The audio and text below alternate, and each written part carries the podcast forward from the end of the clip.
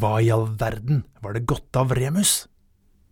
Hvorfor innså han ikke at den nye byen ville være mye mer utsatt for angrep dersom hans høyde ble valgt? Romulus kjente raseriet vokse. Et hardt, mørkt raseri han aldri før hadde opplevd. Snart gjennomstrømmet det hver fiber i kroppen.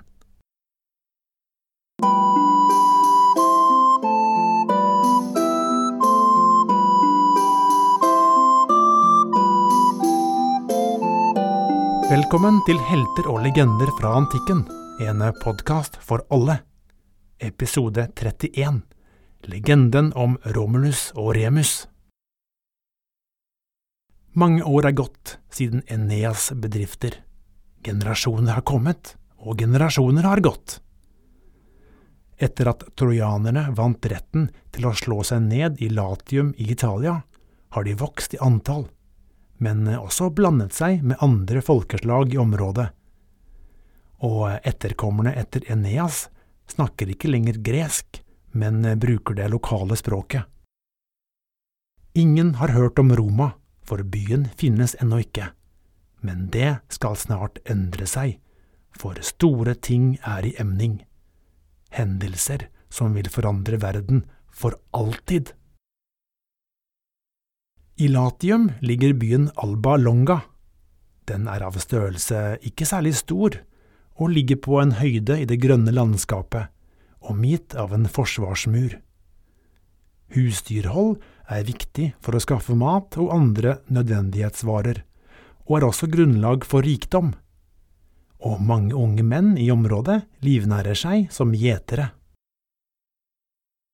En dag dør kongen i Alba Longa og makten går videre til hans to sønner, Numitor og Amulius. Numitor, som er gift med Rea Silvia, er eldst og får kongetittelen, men Amulius får kontrollen over den kongelige skattkisten. Det varer ikke lenge før det blir vondt blod mellom de to brødrene, og siden Amulius har enkel tilgang til penger, får han stadig større innflytelse og stadig større maktbegjær. I en dristig manøver klarer han å avsette sin bror kongen og selv innta tronen. Numitor blir kastet ut av landet. Tronraneren rydder også Rea Silvia av veien ved å tvinge henne til å bli prestinne i et av byens templer. Hun skal kun vie seg til hellige ritualer om å leve i sølibat, med forbud mot å ta seg en ny ektemann. Amulius har trygget sin posisjon så godt han kan, alt ser ut til å gå hans vei. Men eh, det han ikke vet, er at gudene har andre planer. Blant de mektigste gudene har vi Mars, selveste krigsguden, og en natt stiger han ned til tempelet hvor Rea Silvia holder til, og gjør det som antikkens guder har gjort mang en gang før. Han gjør en jordisk kvinne gravid. Ni måneder senere føder Rea Silvia sunne og friske tvillinger. De får navnene Romulus og Remus. Når Amulius får nyss om fødselen, blir han rasende, og han bestemmer at Rea Silvia skal begraves levende som straff. Den grusomme ordren blir raskt utført, men han vil også kvitte seg med de to små guttene som han frykter kan bli fremtidige rivaler. Så han gir sin tjener ordre om å sette dem ut i skogen for å dø. Små og forsvarsløse som de er, vil de ikke overleve lenge. Tjeneren legger de to babyene i en kurv og går ut i skogen. Han er klar til å adlyde kongens befaling. Men eh, når han titter ned på de uskyldige små, fylles han av medynk, og samvittigheten begynner å gnage. Han bestemmer seg for å gi tvillingene en sjanse til å overleve, om den så er aldri så liten. Han haster videre gjennom skogen og kommer omsider til elva Tiber. Der setter han kurven forsiktig på vannet, før han skynder seg tilbake til byen. Kurven med de to babyene duver sakte av sted nedover elva. Det er lenge siden de har fått mat, og stillheten over vannet forstyrres av intens barnegråt. Det ser stygt ut for tvillingene, men heldigvis står mektige krefter klar til å gripe inn. En av disse er elveguden Tiberinus. Han får øye på de to spedbarna og lar strømmen lede kurven inn mot bredden, der grenene til et oliventre luter over vannet. Kurven hekter seg fast, for så å løsne, men til slutt skvalper den forsiktig opp på fast land. Og akkurat i det øyeblikket kommer det en hundeulv forbi. Kanskje er hun tiltrukket av gråten, kanskje er hun bare tørst, men tilfeldighetene vil ha det til at hun nylig har hatt unger. Pattene hennes er derfor fulle av næringsrik melk. Ulvinnen er ingen vanlig ulv, og snarere enn å følge rovdyrinstinktet, deler hun den livgivende melken med tvillingene. Og slik går det til at Romulus og Remus redder livet. De suger ulvemelk og samler styrke i flere dager, helt til de oppdages av en gjeter som bor i nærheten. Gjeteren har aldri i sitt liv sett noe mer merkelig enn to barn som dier en ulv, men eh, han skjønner at de må komme i hus og leve blant mennesker dersom de skal overleve på sikt.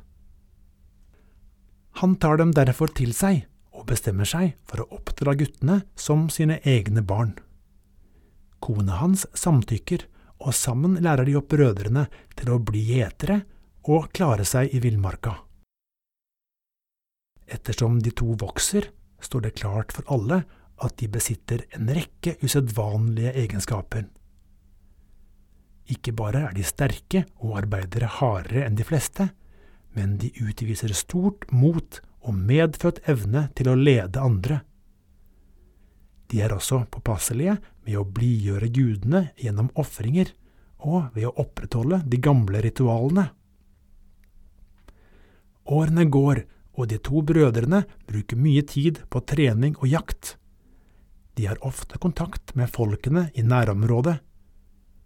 Vennskapet mellom de to brødrene er sterkt, det er tydelig for alle men selv om de i de aller fleste saker er jevnbyrdige, mener de fleste naboene at Romulus nok er hakket visere enn sin bror. Når de nærmer seg voksen alder, får de stadig viktigere oppgaver. De beskytter landet mot ransmenn og røvere, og hjelper folk som har lidd urett. De nøler ikke med å ta på seg nytt ansvar, og på denne måten blir de berømt i hele Latium. Men eh, overgangen til de voksnes verden blir brutal. Når de er 18 år, trekkes det inn i en voldelig konflikt mellom to grupper av gjetere. Ledere av de to gruppene er ingen ringere enn Numitor og Amulius, de to rivaliserende brødrene som knivet om kongemakten i Alba Longa. Flere blodige trefninger finner sted, og selv om gjeterne har enkle våpen, har de lav terskel for å bruke dem.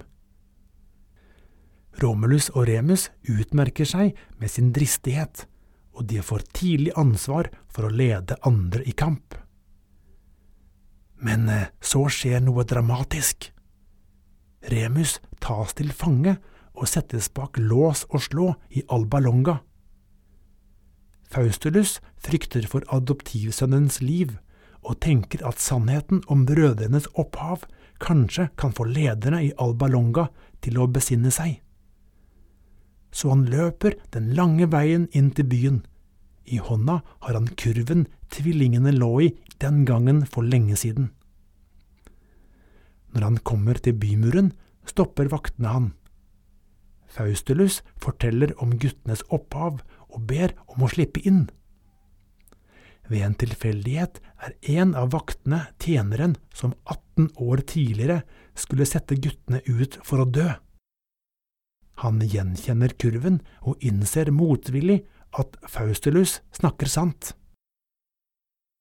Vakten frykter for konsekvensene av å ikke ha utført ordre, men Faustulus slippes likevel inn i byen og får møte Amulius ansikt til ansikt. Faustulus forteller kongen sannheten om guttene, og vakten kan ikke annet enn å bekrefte det som blir fortalt. Med dette innser Amulius at Romulus og Remus er i live, og han reagerer med frykt og raseri. Frykten blir ikke mindre når han får høre at Romulus allerede er på vei til Albalonga, i spissen for en mektig styrke. Amulius kjenner det begynner å brenne under føttene. Imens, et annet sted i byen, har Remus ikke ligget på latsiden. Han kommer seg fri fra fangenskapet og oppildner borgerne til å gjøre opprør mot Amulius. Mange av dem savner den gamle kongen Numitor og lar seg enkelt overtale. Situasjonen til Amulius er nå desperat.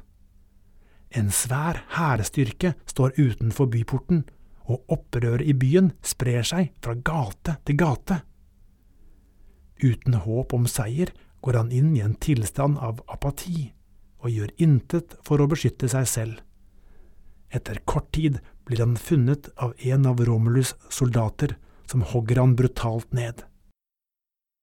Med Amulius ute av veien roer byen seg, og borgerne tilbyr Romulus og Remus en delt krone. Men eh, tvillingene nekter å være konger så lenge bestefaren deres, Numitor, er i live, og de ønsker i hvert fall ikke å bo i byen som undersåtter. De takker høflig nei og gir kongetittelen tilbake til den rettmessige kongen. Brødrene erklærer at de heller vil grunnlegge sin egen by. Når de forlater Alba Longa, tar de med seg flyktninger, rømte slaver og alle andre som ønsker en ny sjanse i livet. De setter kursen nordover, fulle av forventning over hva framtiden vil bringe. De er unge, men har likevel opplevd og oppnådd mye. De vet at de som barn av Mars er spesielle, med de beste forutsetninger for å lykkes med sine videre planer. Ja, hva kan egentlig gå galt? Brødrene er enige om at den nye byen skal ligge ved Tiber, i området hvor de i sin tid ble reddet av ulvinnen. Elva gir jevn tilgang til vann, er rik på fisk, og den er også seilbar helt ned til havet. De syv høydene som ligger i nærheten av elva, kan enkelt bebygges og er i tillegg lette å forsvare. Det er et perfekt område for en ny by. Men så oppstår et alvorlig problem. Romulus vil at byggingen skal starte på Palatinhøyden, mens Remus klart foretrekker Aventinhøyden. Uenigheten om byens nøyaktige posisjon utvikler seg snart til en drabelig krangel. De to brødrene, som gjennom hele oppveksten har stått last og brast med hverandre, er nå røde i toppen av irritasjon og sinne. Men eh, situasjonen roer seg når de to blir enige om å løse tvisten ved å lese gjærtegn. Den av tvillingene som ser flest gjærtegn, for eksempel hellige fugler, har garantert gudenes godvilje og skal dermed få lov til å velge hvor byen skal legges. De to setter seg på bakken et lite stykke fra hverandre og speider opp mot himmelen. Jeg ser seks skribber fly over himmelen, sier Remus plutselig. Jeg ser tolv gribber, sier Romulus. Med dette ser krangelen ut til å være løst. Romulus så flest hellige fugler og kan følgelig bestemme byens beliggenhet. Straks går han i gang med å grave en grøft i bakken, hvor den framtidige bymuren skal ligge. Men Remus er hvitglødende av raseri. Han føler seg lurt og forbigått, og nekter å godta utfallet. Som for å håne begynnelsen på Romulus mur, hopper Remus over grøften og konfronterer sin bror direkte. Nå er det Romulus tur til å gå i svart. Som med et trylleslag er de to blitt bitre fiender. Sverdene trekkes, og det utspiller seg en kamp på liv og død på sletta mellom de to høydene. Sjokkerte soldater blir vitne til at deres to ledere lar alle hemninger fare. Men eh, kampen blir kort. Romulus er sterkest og kjører sverdet inn i sin brors bryst. Blodet strømmer ut av såret og nedover kroppen og farger bakken mørkerød. Remus liv ebber raskt ut. I kretsen rundt brødrene bryter det ut kamper mellom grupper av menn. Noen holder med Romulus, mens andre har mest sympati med den døde broren. Striden er voldsom, men til slutt er det Romulus og hans støttespillere som triumferer. Romulus er nå den ubestridte lederen. Snart tar han tittel som konge, og han igangsetter byggingen av den nye byen. Han oppkaller den etter seg selv, og den dag i dag heter byen Roma. De kommende årene bygges byen stein for stein. En mur reiser seg langs Palatinhøyden.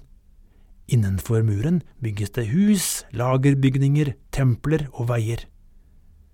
Befolkningen er likevel stakkarslig liten, og kong Romulus lar alle slags folk få slå seg ned om det er flyktninger, kriminelle eller rømte slaver. På den måten øker innbyggertallet, noe som trengs i en region med mange makthungrige småkonger. Men ett problem forblir uløst. Det er stor mangel på kvinner. Og uten ektefeller til alle mennene er det klare begrensninger på hvor mye byen kan vokse. Det forstår jo alle så Romulus legger en dristig plan. Ikke langt fra Roma holdt et annet folkeslag til, sabinerne. I sabinernes by var det bra med kvinner, så hva om en kunne lokke folket der over til Roma, for eksempel invitere dem til leker og fest, og deretter røve kvinnene deres? Som sagt, så gjort. Romerne erklærer at det skal holdes en storslagen feiring av havguden Neptun, og at sabinere, om det er menn eller kvinner, er invitert. Sabinerne takker ja og dukker opp i Roma som avtalt. De aner fred og ingen fare. Utover kvelden spares det verken på mat eller drikke. Det er underholdning og morsomme konkurranser, musikk, stemningen og humøret er på topp. Men romerne har sin dristige plan, og på avtalt tidspunkt fanger de sabinerkvinnene og tvinger mennene deres ut av byen. Overraskelsen er total, gjestene er for forbløffet til å yte motstand. Deretter stenges byporten fort, og mennene der ute i mørket må sjokkert innse at ikke bare er de kastet ut av noe som var en flott fest, de er også blitt frarøvet alle kvinnene sine. Rovet av sabinerkvinnene fører til en langvarig og blodig krig mellom de to byene. Striden bølger fram og tilbake, og mange liv går tapt. Etter mange års blodsutgytelse får sabinerne overtaket og klarer til slutt å trenge inn i Roma. Endelig skal de hente tilbake kvinnene sine og knuse de frekke romerne. Men så, midt i kampens hete, skjer noe overraskende. Ut av husene strømmer sabinerkvinnene, som for lengst er giftet bort til romerske menn, om det var frivillig eller ufrivillig, og de bønnfaller både angripere og forsvarere om å legge ned våpnene. De orker ikke å se flere falne, om det er eks-ektemenn, nye ektemenn, fedre eller brødre. Det krever mye og dramatisk overtalelse å få mennene til å innstille kampen, særlig de angripende sabinere, men eh, til slutt går alle med på kvinnenes krav. Fornuften seirer, selv om sårene er dype etter mange års konflikt. Snart slutter romere og sabinere fred, og forenes som ett folk under én konge. Kong Romulus. Vi forlater kong Romulus der. Han har oppnådd mer enn noen kan drømme om. En ny by er grunnlagt, en by som en gang skal bli hovedstad i et imperium. En legende som startet med trojanske helter på dramatisk flukt, har avfødt nye legender, som denne her om Romulus og Remus. Snart skal legendene krysse den tynne hinnen mellom eventyr og virkelighet og Roma og Romerriket skal herske over hele verden. Jeg heter Bjørnar Dahl Hotvedt, og det er jeg som har gleden av å lage denne podkasten. Ha det godt!